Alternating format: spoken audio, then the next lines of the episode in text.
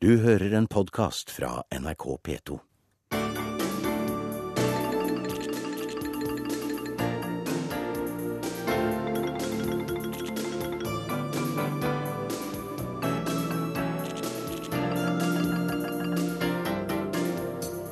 Norge har blitt bedt om å ta imot og ødelegge kjemiske våpen fra Syria.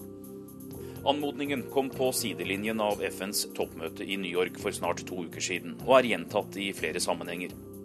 Britiske politikere er i fullstendig valgkampmodus, selv om det er ett og et halvt år igjen til parlamentsvalget. Britain can do better than this.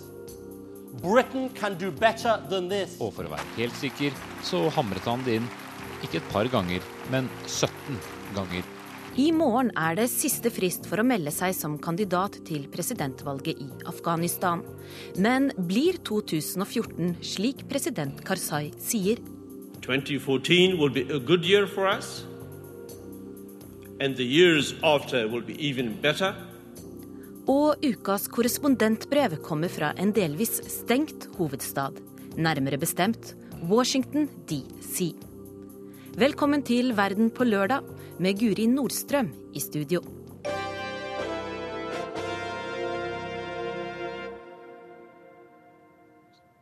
Ja, norske myndigheter har altså, etter det NRK kjenner til, blitt bedt om å ta imot og ødelegge kjemiske våpen fra Syria i Norge.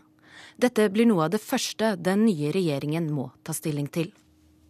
Myndighetene er allerede i gang med å vurdere og analysere hvordan Norge kan bidra. USA og Russland har, etter det NRK kjenner til, kommet med en konkret forespørsel om å ta imot og destruere deler av Syrias våpenarsenal i Norge. Anmodningen kom på sidelinjen av FNs toppmøte i New York for snart to uker siden, og er gjentatt i flere sammenhenger. De russisk-amerikanske sonderingene skjedde før Sikkerhetsrådet ble enige om resolusjonen, der et samlet verdenssamfunn for første gang stiller krav til Syria. Regimet har en stram tidsfrist på ni måneder til å overlevere og ødelegge alle kjemiske våpen. Allerede nå er det klart at landet trenger hjelp til å kvitte seg med masseødeleggelsesvåpnene. OPCW, FN-organisasjonen som overvåker forbudet mot kjemiske våpen, har sendt ut en generell forespørsel til medlemslandene om hvordan de kan bidra. Amerikanerne og russerne har muntlig kommet med konkrete ønsker til Norge. Begge land plantet ideen om at Norge ville være et passende sted fordi det er politisk stabilitet, og landet har mye vann som trengs i arbeidet med å nøytralisere gassene. Norge må komme med et svar innen midten av november. Da skal OPCW møtes for å lage en slagplan og oversikt over hvilke land som bidrar med hva. Syria har en ny frist i dag med å levere en full innholdsfortegnelse over det som antas å være 1000 tonn med nervegass og kjemikalier. Den foreløpige lista gir et godt bilde av hva som finnes i landet, og et grunnlag for Norge til å starte behandlingen. Oppdraget er ikke ufarlig. Lokalisering og sikkerhet er blant spørsmålene som vurderes. Utenlandske fagmiljøer er koblet inn for konsekvensanalyser, alt fra hvordan transporten skal skje til miljøsikkerhet rundt potensielle anlegg. I dag er det ikke utstyr på plass i Norge for å ødelegge kjemiske våpen, og det er heller ikke gjort før. USA har nettopp ferdigstilt flere mobile anlegg som kan fraktes til utlandet. Også Russland kan tilby løsninger og hjelp. Norge vil høste stor anerkjennelse om landet tar på seg et slikt oppdrag, sier kilder her i USA til NRK. Det styrker forespørselen at den kommer både fra Washington og Moskva, og etter det NRK har grunn til å tro, kan det også være inngangsbilletten til f.eks. Det hvite hus for en kommende statsminister. Norge har tradisjon for å stille opp når det ligger en FN-resolusjon til grunn og FNs sikkerhetsråd ber om hjelp. Norge sitter også i styret til OPCW som leder arbeidet. Det kan bli en omstridt beslutning som dyttes til den neste regjeringen. Anders Tvegård, Washington. Kommunikasjonssjef Ragnhild Immerslund i Utenriksdepartementet vil verken bekrefte eller avkrefte opplysningene. Det jeg kan bekrefte, er at vi er i dialog med eh, flere medlemsland om hvordan vi kan bistå med å implementere beslutningen fra eh, OPCW og resolusjonen i FNs sikkerhetsråd. Betyr, men betyr det at man også vurderer å ta imot eh, kjemiske våpen her i Norge for destruksjon her? Eh, vi ønsker ikke å gå inn på nå det konkrete innholdet av disse samtalene. FNs medlemsland er oppfordret til å bistå. Men er dere kjent med den sikkerhetsrisikoen som eh, et slikt destruksjonsanlegg har for befolkningen i denne nærheten? Hvis Norge skal bidra, så vil selvfølgelig alle elementer av et slikt bidrag bli vurdert, også helse- og sikkerhetsmessige forhold. Reporter her var Peter Svaar. Og du kan lese mer om denne saken på våre nettsider nrk.no. Vi følger også denne saken på våre radio- og TV-sendinger utover dagen.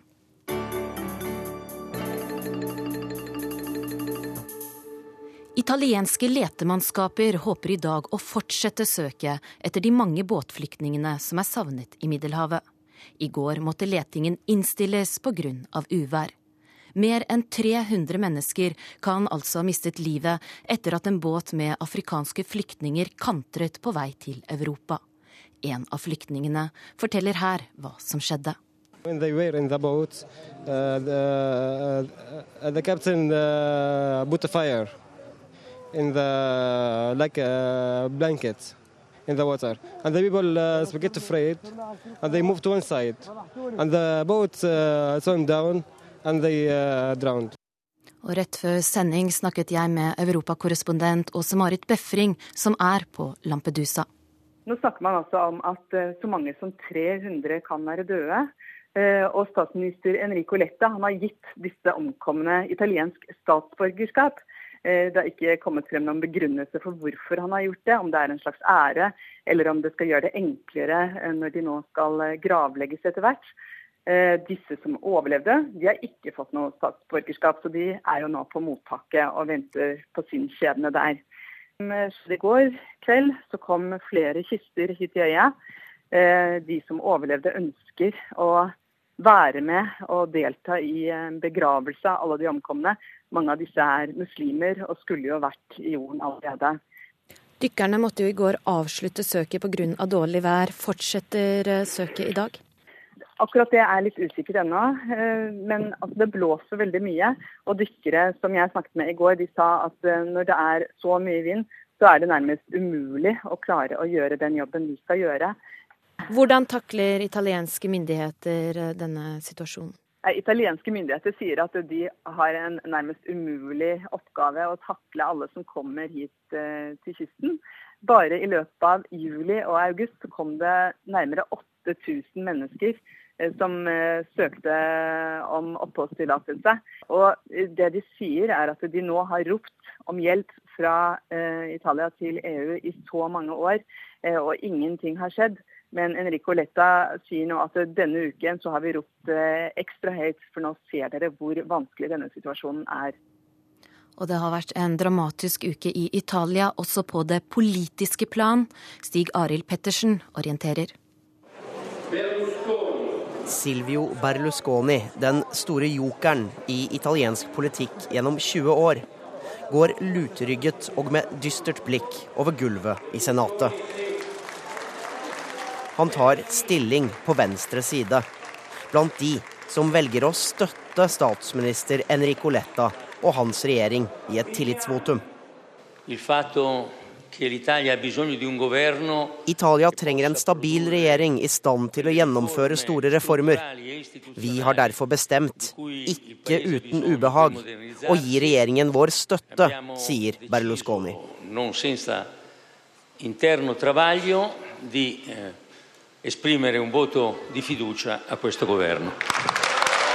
Folk rundt ham jubler og rekker hånden mot Berlusconi i takk.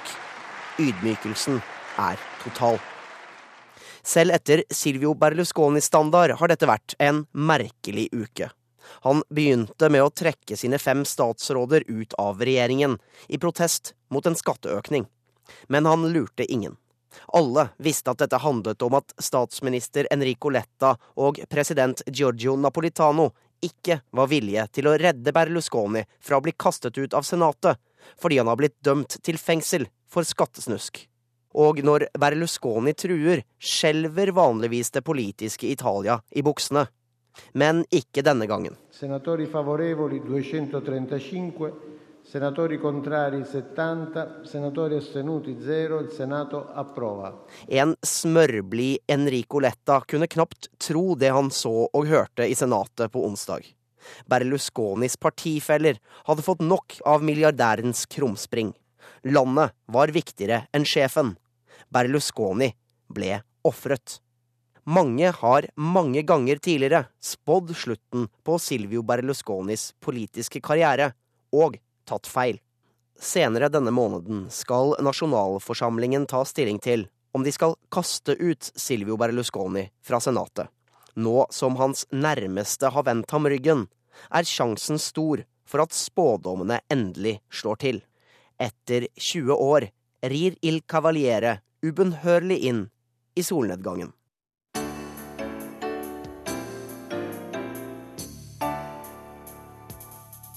I USA er det stor uro etter at nedstengningen av statsapparatet nå går inn i dag fem. Men hvem satte krisen i gang, og hvem kan løse den? Tove Bjørgaas orienterer. Reagan used to have the greatest line. He says, if you can't make them see the light, is make sure they feel the heat. Hvis du ikke kan få dem til å se lyset, la dem kjenne heten i stedet, sier Mark Meadows. Mark Meadows er en 54 år gammel forretningsmann fra Nord-Carolina. Uten videre politisk erfaring ble han for et år siden valgt inn i Kongressen. Men han føler seg ikke som en fersking i Washington av den grunn. Faktisk har han de siste ukene vært en av USAs mest innflytelsesrike menn. Mark Meadows tilhører Tea Party-fløyen i det republikanske partiet og har én eneste fanesak. Han vil stanse helsereformen demokratene har vedtatt, fordi han mener den strider mot Grunnloven og alt som er amerikansk. I august sendte derfor Meadows et brev til ledelsen i partiet sitt, der han ba dem nekte å vedta statsbudsjettet dersom president Obama ikke gikk med på å fjerne bevilgningen til helsereformen. Og Meadows fikk det som han ville. We'll be back. we'll be back. Nå er flere enn 800 000 mennesker permittert. Washington har stoppet opp, og om ti dagers tid kan USA også slippe opp for penger til å betale regningene sine med. Dag fem av the shutdown er i gang, og president Obama viser ingen tegn til å gi etter for republikanernes krav.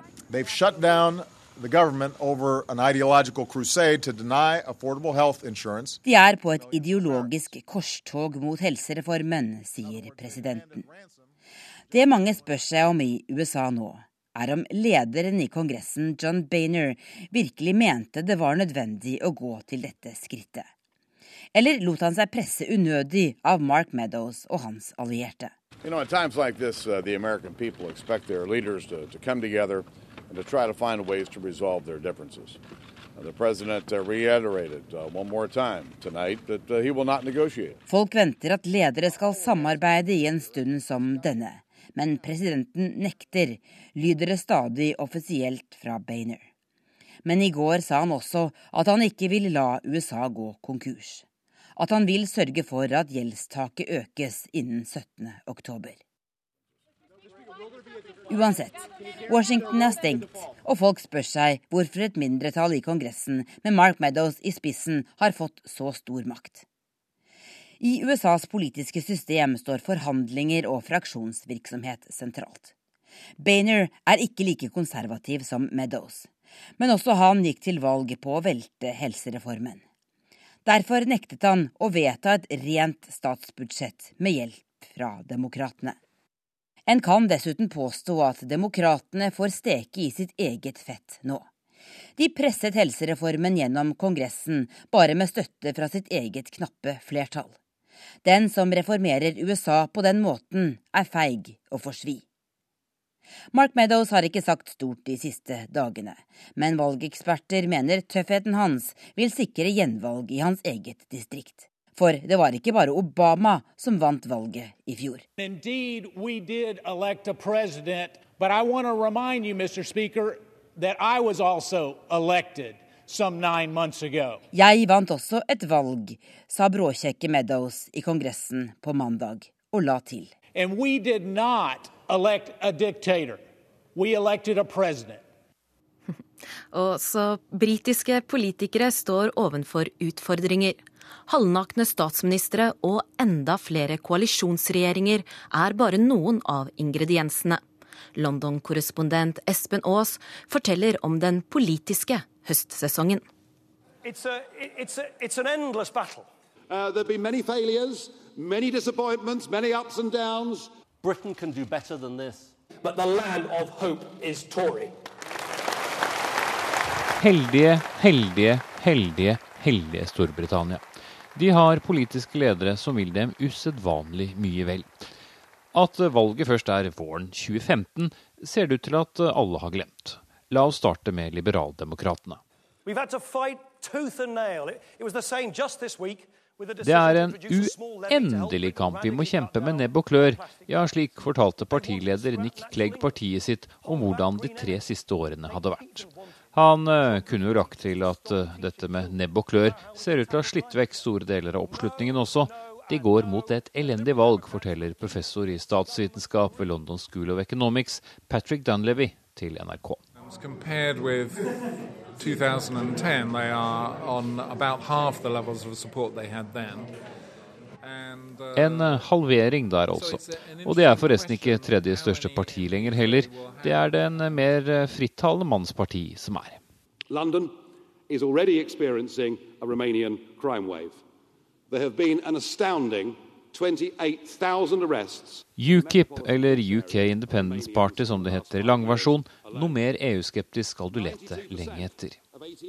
En uh, suksessformel, utvilsomt, fra det som er ytre høyre i partifloraen her. Noe ytre venstre finnes ikke, men i solfylte Brighton på Englands sørkyst sto partileder Ed Miliband, som er så langt man kommer til venstre britisk politikk, med Arbeiderpartiet Labour. Han var opptatt av at han hadde sett statsministeren avbildet i badebukse denne sommeren. Maybe I should make this promise while I'm about it. If I become prime minister, I won't take my shirt off in public. I mean, it's just, it's just, it's just not necessary, is it? I mean...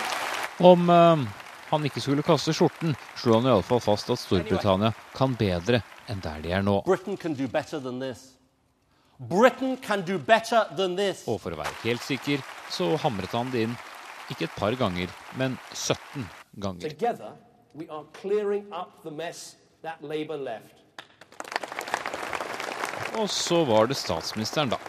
Som er den mest populære partilederen, men som ikke leder det mest populære partiet. Ja, forresten, han svarte også på dette med skjorten. Here's the deal. You keep your shirt on, I'll keep the lights on. Slukke lyset-metaforen skulle vel være selvforklarende. Mulighetenes land var Torry-sjefens gjentagelse. I en litt kortere tale gjentok han det bare 13 ganger. Med denne intensiteten på de nest siste landsmøtene før valget er det bare å stålsette seg. Neste høst blir nok enda mer alvorlig.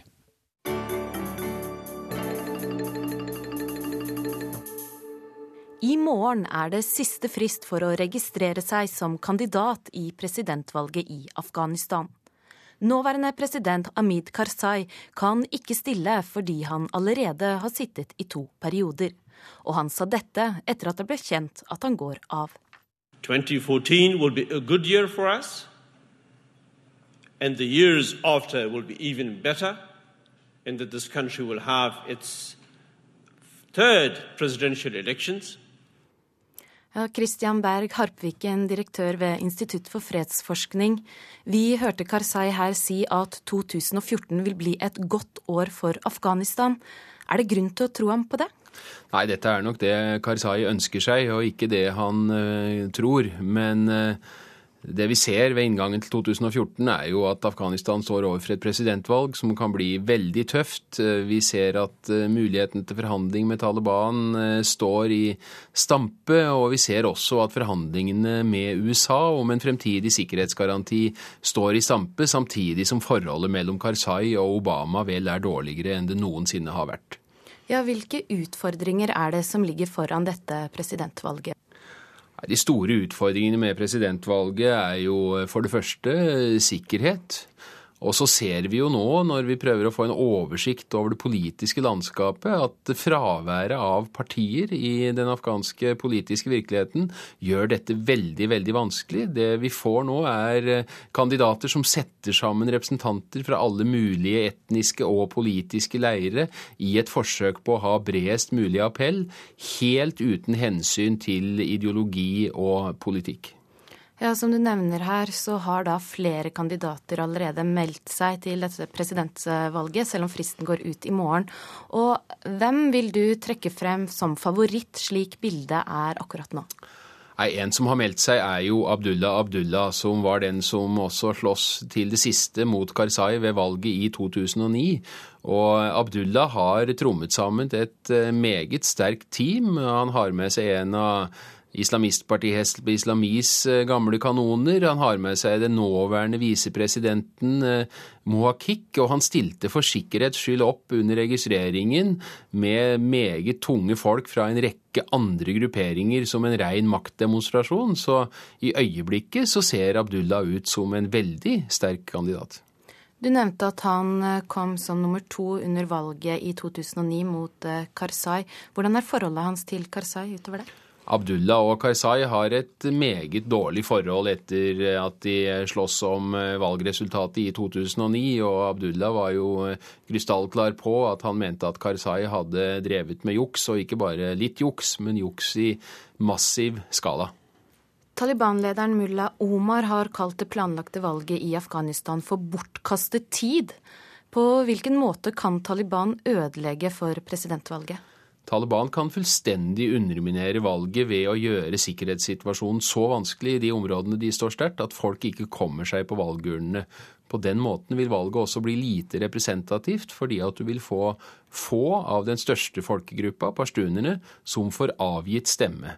Men Taliban har så langt gitt tvetydige signaler, og noen av signalene kan også leses i motsatt retning. Så hvordan Taliban vil stille seg til valget, det er en avgjørende faktor. Hvor de lander, er fortsatt usikkert. Vi får se hvordan det går. Selve presidentvalget er altså 5. april. Takk for at du kom i studio, Christian Berg Harpviken.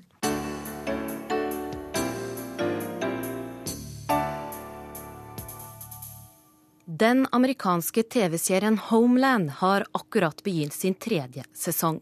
Men ikke alle vet at den prisbelønte dramaserien egentlig kommer fra Israel. Sissel Wold har vært i Tel Aviv og møtt én av skuespillerne. I feel the series has, has changed me in the sense that it's the most uh, meaningful part I've played today. Serien har endret meg. Jeg har lært så mye, sier Ishai Golan. Han spiller den traumatiserte soldaten Orit Sach, som har sittet 17 år i fangenskap hos en Hizbollah-lignende gruppe, et sted som ligner på Sør-Libanon. På hebraisk heter TV-dramaet Hattofim, på engelsk 'Prisoners of War' og 'Hjemkomsten' på norsk. Flere hundre israelere har vært krigsfanger, om ikke så lenge som hele 17 år. All the prisoners of war were happy to share their experience before the, the, the, series was aired. We, in the research, we, we met a lot of them and we spoke to them, and it was completely heartbreaking. Uh, and they were very happy to share their experience with us. And after this series was aired, the prisoners of war that contacted me and that I met, they were simply they couldn't express their joy from this series because they felt that finally their voice is, is, is spoken. De delte sine erfaringer med oss, og vi hørte mange hjerteskjærende historier. Og da serien gikk på israelsk fjernsyn, var de glade og lettet for at de endelig ble tatt på alvor og lyttet til, sier Ishai Golan til NRK. People used to come up to them knowing that they were prisoners of war and saying, was it really like that? Was, because the people here actually never knew what are the real implications of being a prisoner of war. Your life is scarred for forever. Vi treffer den kjente israelske skuespilleren på en kafé i Tel Aviv. Israelerne vil bare ha krigsfangene sine hjem. Ingen spør hvordan det går med dem etter at de er kommet hjem. Før nå. Israelsk film og drama ligger tett opp til virkeligheten. Før hjemkomsten skulle på lufta, satt Gilad Shalit fremdeles i fangenskap i Gaza. De kommer snart hjem, sto det på plakater rundt omkring i Israel før serien hadde premiere. Det er fremdeles flere israelske krigsfanger som ikke er kommet tilbake. Det var en enorm outcry i Israel saying, yeah, how cynical can the TV industry be? And everyone trying to stop stoppe series, saying that it's Folk var rasende over hvor kynisk TV-industrien kunne bruke nasjonale traumer for å promotere seg. Men etter at israelerne fikk se serien, stilnet kritikken, forteller Ishai Golan. But once the first episode was aired, all these voices disappeared, and the Israeli public was absolutely crazy about the series. And Gilad Shalit himself, when he came back from captivity, watched the series and loved it. يلا واحد واحد قولي هلا وانتم ماشيين Golan snakker også arabisk i serien. Did you like acting in Arabic? Very much. I was very happy to to act also in Arabic. I was actually, I still am quite ashamed that I don't speak the Arabic language. I think it's our duty. Jeg skammer meg over at jeg ikke har lært meg arabisk. Vi burde være forpliktet til å lære oss språket, for bedre å forstå våre naboer med tanke på fred en dag. Og Ishai Golan har meninger om politikk. Han er en av de 40 kunstnerne som undertegnet et opprop om at de nekter å opptre på det nye teatret i bosettingen Ariel, som ligger på okkupert land. No one can force me to enter the occupied territories, which is, you know, an illegal part of uh, of Israel's state. Sier Ishai Golan, som både er skuespiller, programleder på TV og i radio, og som lager matprogrammer for National Geographic. Israelerens perfekte engelsk er et resultat av studier og teaterutdannelse i London. Men nå om dagen er han mest kjent for rollen som den ulykkelige hjemvendte soldaten Orit Tzach. Hjemkomsten vises over hele verden. Nå har den gått i 20 land. Og det store spørsmålet er, etter to serier, er en tredje på vei?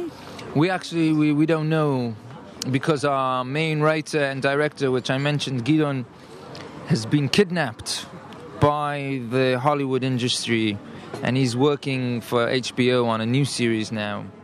Vår regissør Gideon Raff er kidnappet av Hollywood, svarer Golan og himler med øynene. Raff regisserer Homeland i USA om livet til den hjemvendte Al Qaida-fangen, marinesoldaten Nicholas Brody. Israelske Raff har ikke tid til å dramatisere de videre livene til sine første hjemkomne soldater nå.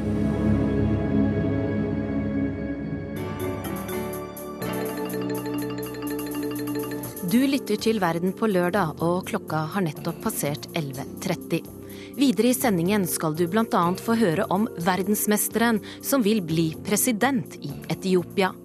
Og om Russlands president som har bursdag på mandag, og som får et selskap han nok ikke hadde ventet seg. Og dessuten, oktoberfesten i Bayern handler ikke bare om øl.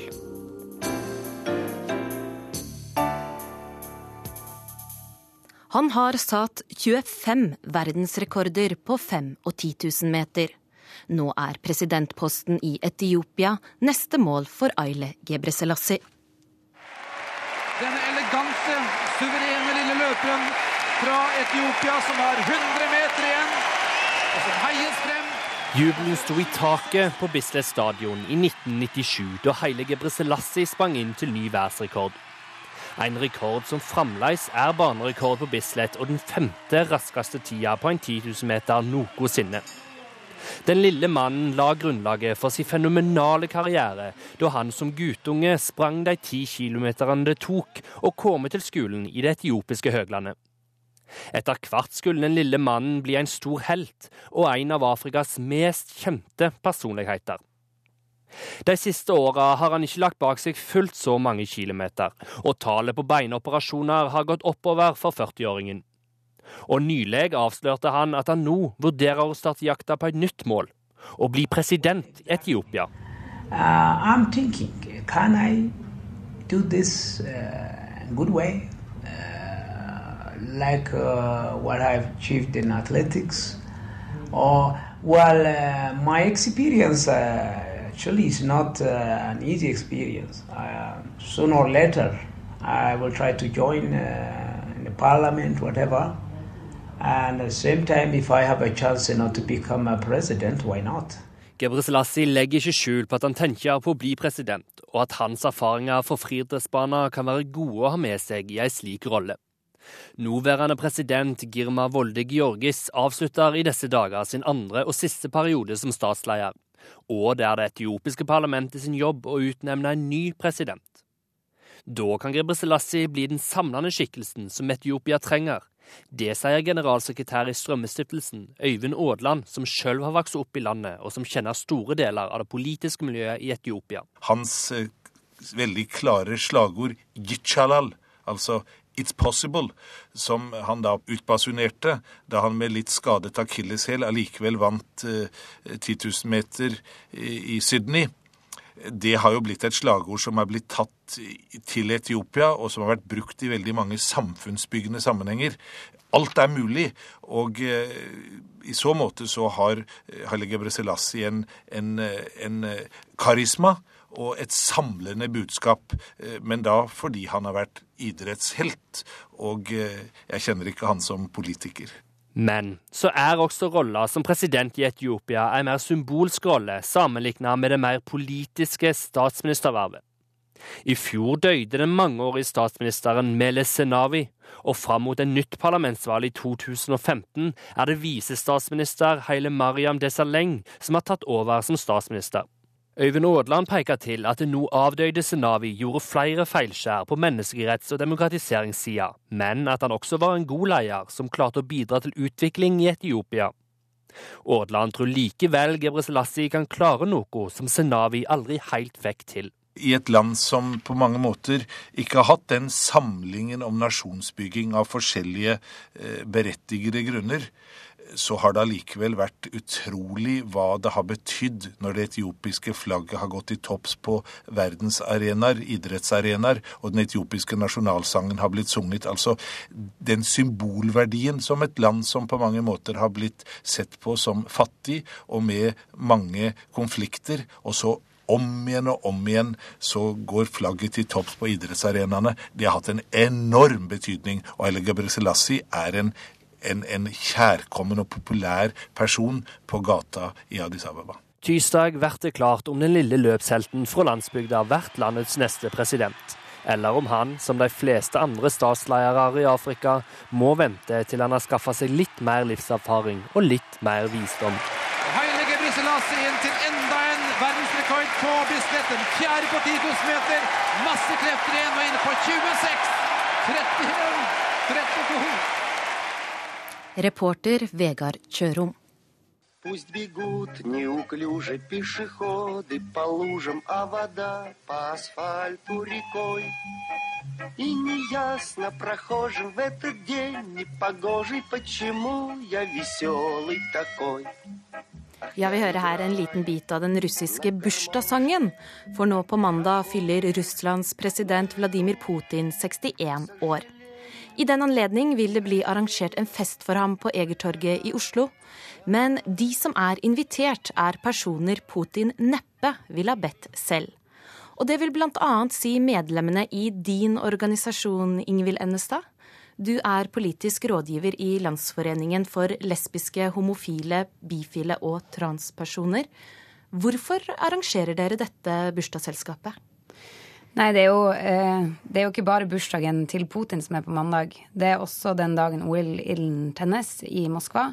Eh, det er jo ikke en hyllest til Putin på dagen hans. Det er mer en kritisk blikk på alle de gruppene som ikke kommer til å bli invitert i en sånn bursdag, og heller ikke på OL-festen. Og Hvilke grupper tenker du på da? Eh, det er bl.a. da lesbiske, homofile, bifile og transpersoner som jeg representerer. Eh, det har vært flere lovverk som har innskrenka eh, menneskerettighetene i Russland, spesielt retta mot visse minoritetsgrupper. Det er bl.a. en propagandalov som sier at man ikke får lov til å spre informasjon om ikke-tradisjonell seksualitet til mennesker under 18 år. Eh, det er også en lov som sier at man blir bøtelagt hvis man ikke registrerer seg som spioner dersom man mottar utenlandsk støtte. Eh, så det er vel kanskje sånn at ingen av våre medlemmer ville blitt invitert på den festen. Eh, og hadde vi blitt invitert, så måtte vi hatt 18 års aldersgrense på den. Det ville ikke blitt noe barnebursdag. Gunnar Ekeløve Slydal, du er assisterende generalsekretær i Helsingforskomiteen. Hva er bakgrunnen for at russiske myndigheter har innført disse lovene som Ennestad nevner her? Ja, det er nok flere grunner. Ehm, men eh, Putin har nok følt seg mer utfordra politisk enn på lenge. Han har i grunnen vært vant til å ha en veldig stor oppslutning i folket. Han blir sett på som den som har rydda opp i Russland. Men så har vi sett de siste to årene at stadig flere har satt spørsmål ved om Putin egentlig er fremtidens mann for Russland. Fordi så mange problemer er uløst. Og Det er klassisk grep politikere bruker. Når de ikke greier å løse problemene, så peker de på ulike svake grupper i samfunnet og gir dem skylda. Skaper seg fiendebilder. Og blant de fiendebildene så er det politisk opposisjon. Det er eh, miljø- og menneskerettighetsorganisasjoner som svartmaler situasjonen i Russland. Og ja, de blir nærmest sett på som forrædere fordi de får penger fra utlandet. Men har Putin grunn til å føle sin posisjon truet?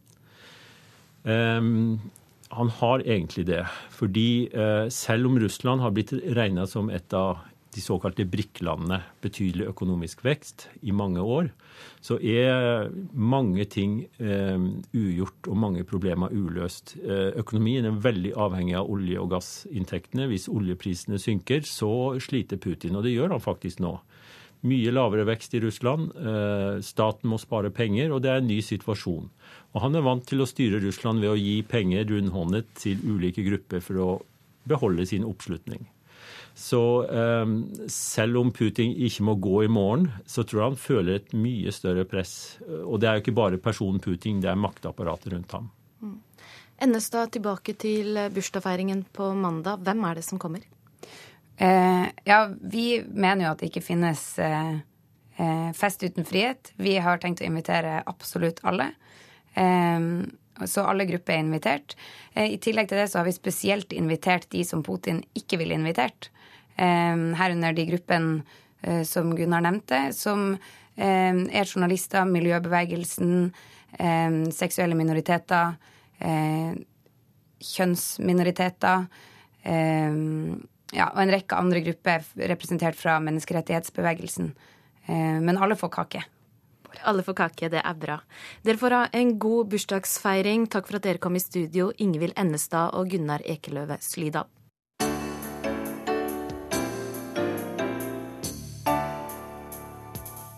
Vi skal holde oss i Russland, for den verdensberømte balletten fra Balsjoj-teatret i Moskva kommer til Tromsø i februar. Hans-Wilhelm Steinfeld har møtt danserne.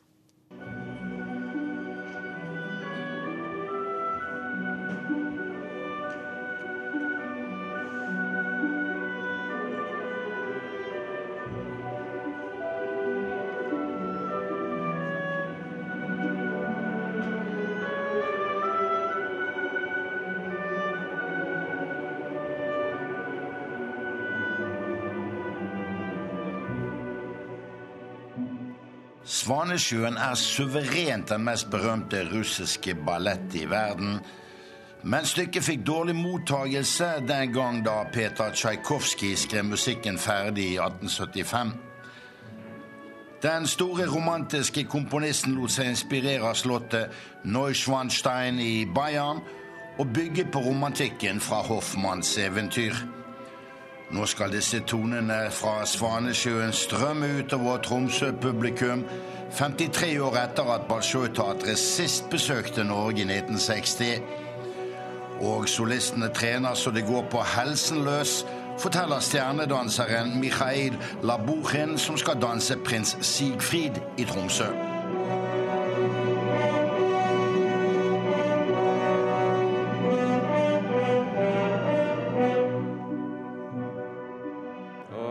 Пришлось очень много работать. И надо, конечно, очень следить за собой, очень внимательно слушать свой организм. У меня была серьезная травма. И она произошла от того, что я вовремя не остановил себя. Vi må jobbe veldig mye nå, så vi må passe på. Jeg fikk en alvorlig skade, og den oppsto fordi jeg ikke stanset meg selv og begrenset treningen i jobben, sier Mikhail Buchin, stjernedanser ved Balsjoj-balletten, som skal danse de mannlige solopartiene i Tromsø. Balsjoj-balletten er det ypperste av den russiske ballettskole. Den er sterkest på det klassiske og mindre orientert mot moderne ballettkunst. Ballettsjef Sergej Filin ved Bolsjoj-balletten forklarer oss sitt syn på ekte russisk ballett.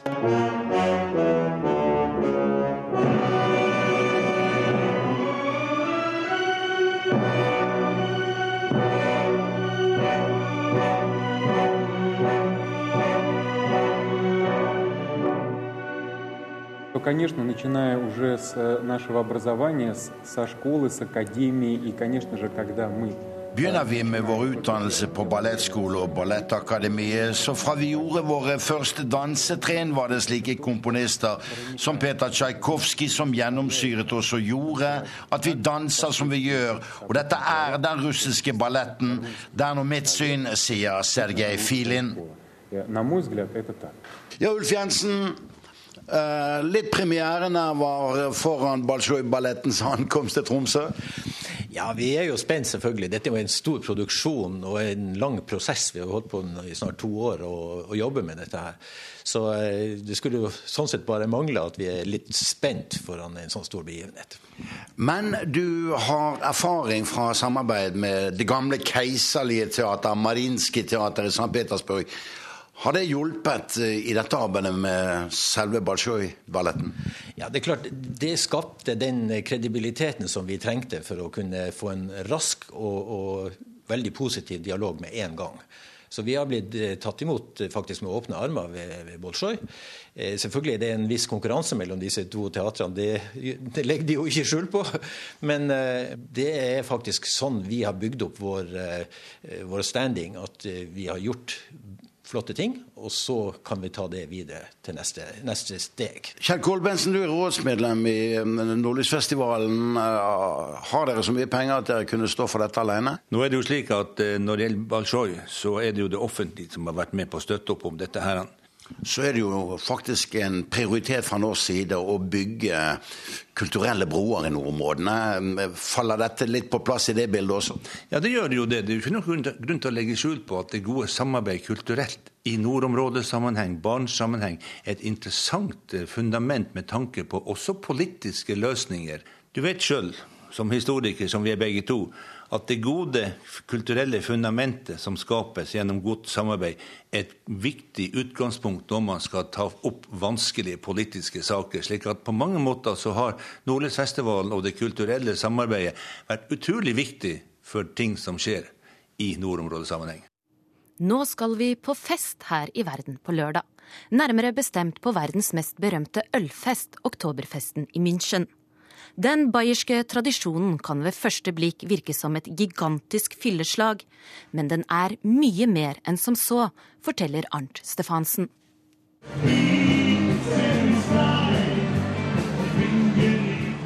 Man må se det før man tror det. I et gigantisk telt sitter mer enn 5000 mennesker rundt langbord og heller i seg øl av literstore glass. Noen skråler lykkelig sammen med musikken, som fremføres av åtte brave bayere i folkedrakt, mens andre skravler ustoppelig med venner og familie rundt bordet. Det er en stemning og et lydnivå som er en sen nattetime verdig. Men klokka er utrolig nok bare to på ettermiddagen en vanlig hverdag. Jeg er på Theresienwiese, et stort festivalområde nær sentrum av München. Det er her den verdenskjente oktoberfesten finner sted. På området er det satt opp enorme øltelt med plass til mellom 5000 og 10 000 mennesker. Nærmere sju millioner liter øl blir satt til livs under den store festen, et faktum som passer godt med det bildet verden har dannet seg av denne 200 år gamle bayerske tradisjonen. Men dette er så langt fra hele sannheten om oktoberfesten i München.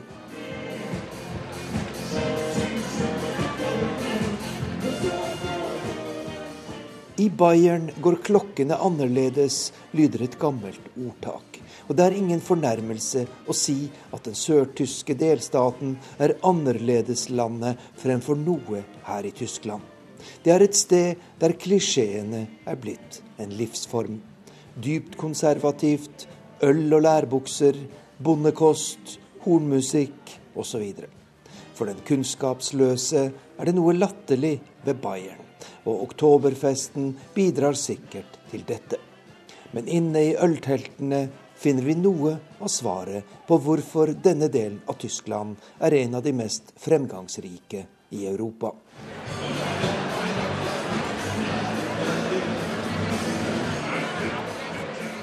Mer enn 60% av dem som svinger seidelen i kollektiv lykke i ølteltene her i München, er invitert av noen av verdens fremste selskaper. BMW, Siemens, Allianz, Munich Re og flere andre verdensnavn har sine hovedkvarterer her i den bayerske hovedstaden. Og den beste gave de kan gi sine kunder og partnere over hele verden, er en reise til den verdenskjente ølfesten. Og for firmaene selv er goodwillen de skaffer seg, en uvurderlig kapital.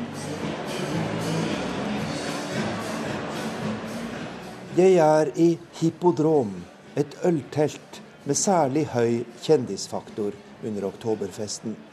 Fotballstjerner fra superlaget Bayern München, TV-kjendiser og skuespillere, ledende politikere og en liten dæsj bayersk adel er noe av det man får for pengene. Og i helgene opptrer noen av Bayerns mest kjente artister, og da er det så trangt om saligheten at svartebørshaiene kan innkassere opptil 3000 euro, nærmere 25 000 kroner, for en inngangsbillett. Oktoberfesten er definitivt big business, og folk har penger. For Bayern er en av Tysklands rikeste delstater, og ikke nok med det. Denne for enkelte noe lattervekkende regionen er faktisk best i det meste her i Tyskland.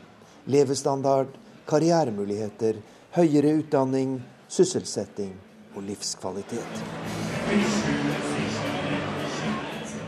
De fleste av dem som sitter ved bordene i ølteltet Hippodrom, er kledd i tradisjonelt bayersk antrekk. Mennene i hatt, jakke og lederhose, den berømte lærbuksa, og kvinnene i den typiske bondedrakten dirndl. Mange med en utringning så dyp at de andre steder ville ha blitt beskyldt for å være vulgære inntil det smakløse. Men dette er Bayern, og dette er tradisjon. Det mest interessante er at klesmoten på oktoberfesten har endret seg radikalt de siste årene. Fra jeans og nymotens klær tilbake til det dypt tradisjonelle. Og mange ser en sammenheng mellom denne kulturelle renessansen og den politiske utviklingen vi har sett den siste tiden. Nylig vant den konservative Kristelig Sosiale Union en knusende seier ved delstatsvalget her i Bayern, og har igjen absolutt flertall i delstatsparlamentet, slik partiet har hatt i store deler av etterkrigstiden. Et gammelt tysk kongedømme er blitt Tysklands mektigste og mest selvbevisste delstat. Og folk i Bayern har skjønt det. Den som mangler røtter, er dårlig rustet til å møte fremtiden. Deres slagord er laptop og lederhose, moderne og tradisjonell. Og de kan fint leve med at folk ellers i verden tror at det de er best på, er øl og ompa-ompa.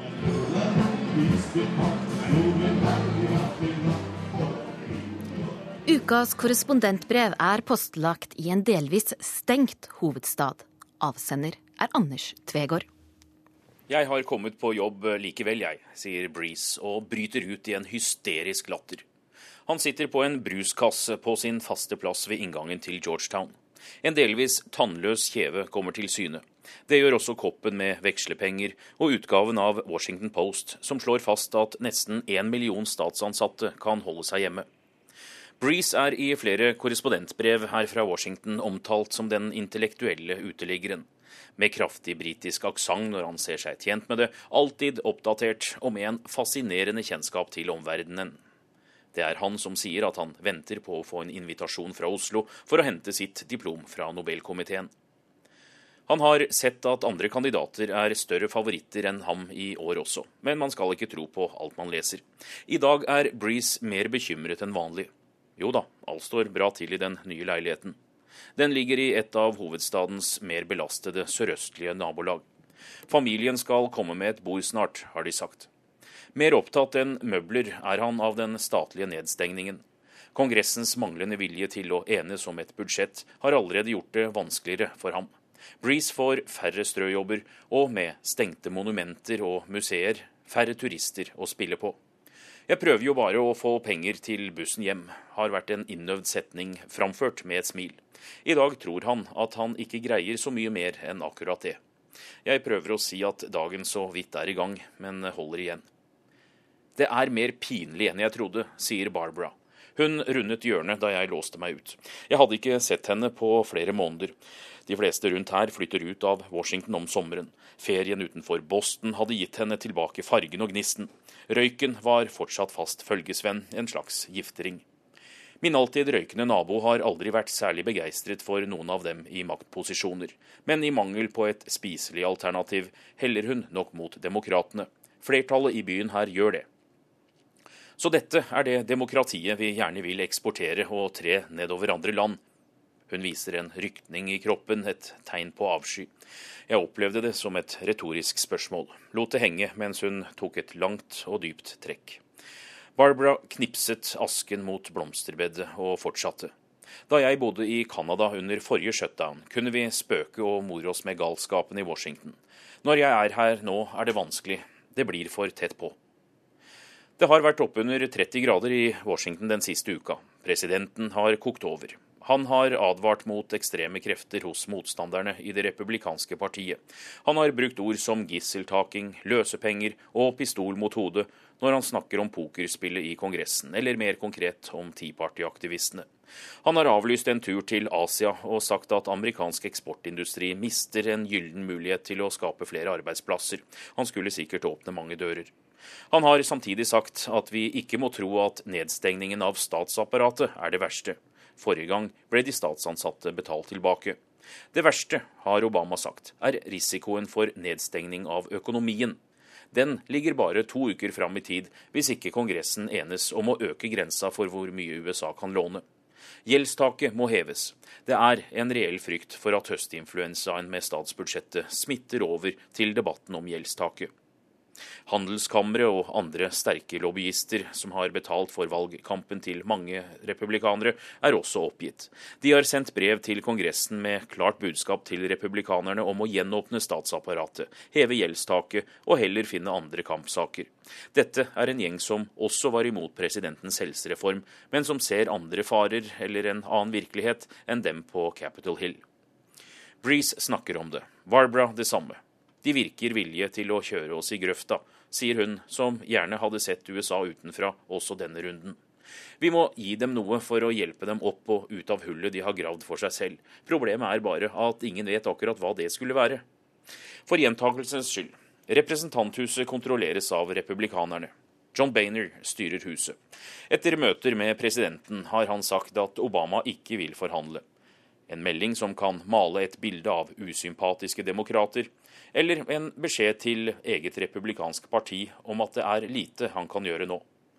Det er i utgangspunktet ikke overraskende at republikanerne stemmer for å stanse eller utsette Obamacare, som The Affordable Care Act kalles. Det var et løfte fra valgkampen. De er imot presidentens helsereform. Det overraskende er at de fortsetter forsøkene på å tilbakekalle reformen etter å ha fått det samme svaret gjennom avstemninger, ikke bare én gang, men nå 42 ganger. Ikke rart at Kongressen er mindre populær enn hodelus og rotfylling, med sine drøyt 10% oppslutning. Det er Gallup som har gjort målingen om amerikanernes tiltro til institusjonen. Dette er også den kongressen som hittil har vært minst produktiv og godkjent færrest lover. I gjennomsnitt leverer de folkevalgte fra seg 758 lover i løpet av én sesjon, altså i løpet av ett år. Denne kongressen har levert fra seg bare 15 polarisering på nytt nivå, og eller fordi lovene blir større og mer krevende å lese. Prøv 20 sider, og du ser at kongressspråket ikke akkurat er en thriller. Helsereformen til Obama var på 2700 sider pluss 20 000 sider med forskrifter. Sikkert ikke alle folkevalgte som bladde gjennom permen. Nancy Pelosi, tidligere leder i Representanthuset, huskes f.eks. For, for sin kommentar 'godkjenn reformen for å se hva den inneholder'. Nå er ikke året over ennå, men det skal godt gjøres å bedre inntrykket. Det minner meg om liming. Kunsten ikke å gjøre noe på norsk å drive dank. Et fenomen jeg opplevde på Trinidad og Tobago i sommer. Liming hadde uuttalte regler. Ikke alle kunne gjøre det. Ved første øyekast var det arbeidsledige som hang på gata, gjerne påvirket av alkohol eller narkotika. Etter hvert skjønte jeg at dette var mer komplisert. Flere av dem som limet, hadde vært på jobb på morgenen Staten tilbyr tross alt to eller tre timer med gressklipping eller rydding i veikanten. Når du var ferdig med oppdraget, kunne du dra hjem, eller som de fleste menn gjorde, henge på hjørnet. Her startet limingen. Du deler historier, mat, drikke på et offentlig sted uten annet formål. Det skjer spontant, og samtalene kan vare i timevis. Det er ikke liming hvis det er avtalt. Andre ville ha skammet seg over hvor lite produktiv en kan være, men her er det en verdsatt fritidsaktivitet. Du kunne vinne i kortspill og komme rikere hjem, eller snappe opp et jobbtilbud på veien. Det er noe vestindisk over måten Kongressen opptrer på også, humrer Barbara da jeg forteller historien. De snakker sikkert om oss. Hvordan klanene i Kongressen roter det til slik at staten ikke kan utføre pålagte oppgaver. Motstanden mot en kontroversiell plan som har som mål å få nasjonens helsesystem på linje med internasjonale standarder, sier hun, mens hun drar opp en ny sigarett fra den myke kartongen. Ingen av oss merker nevneverdig at deler av statsapparatet er stengt, bortsett fra at det er mye mindre trafikk og oftere tilbud og rabatter på restaurantene i sympati med de permitterte. Skoen trykker mer for Breeze på bruskassa. Jeg spurte ham hvor lenge dette kommer til å vare. Han tror ikke det haster for Kongressen. De har aldri brydd seg om sånne som ham. Men skulle han spå, ville han si at det blir verre før det blir bedre. Når lønningene skal utbetales om et par uker, og de permitterte ikke får noe, så blir det fortgang i sakene. Det er jo tross alt penger alt handler om, sier Breeze og rister med begeret. Det var Verden på lørdag. Teknisk ansvarlig Beate Haugtrø, skript Tove Nilsen Søtorp, og jeg heter Guri Nordstrøm.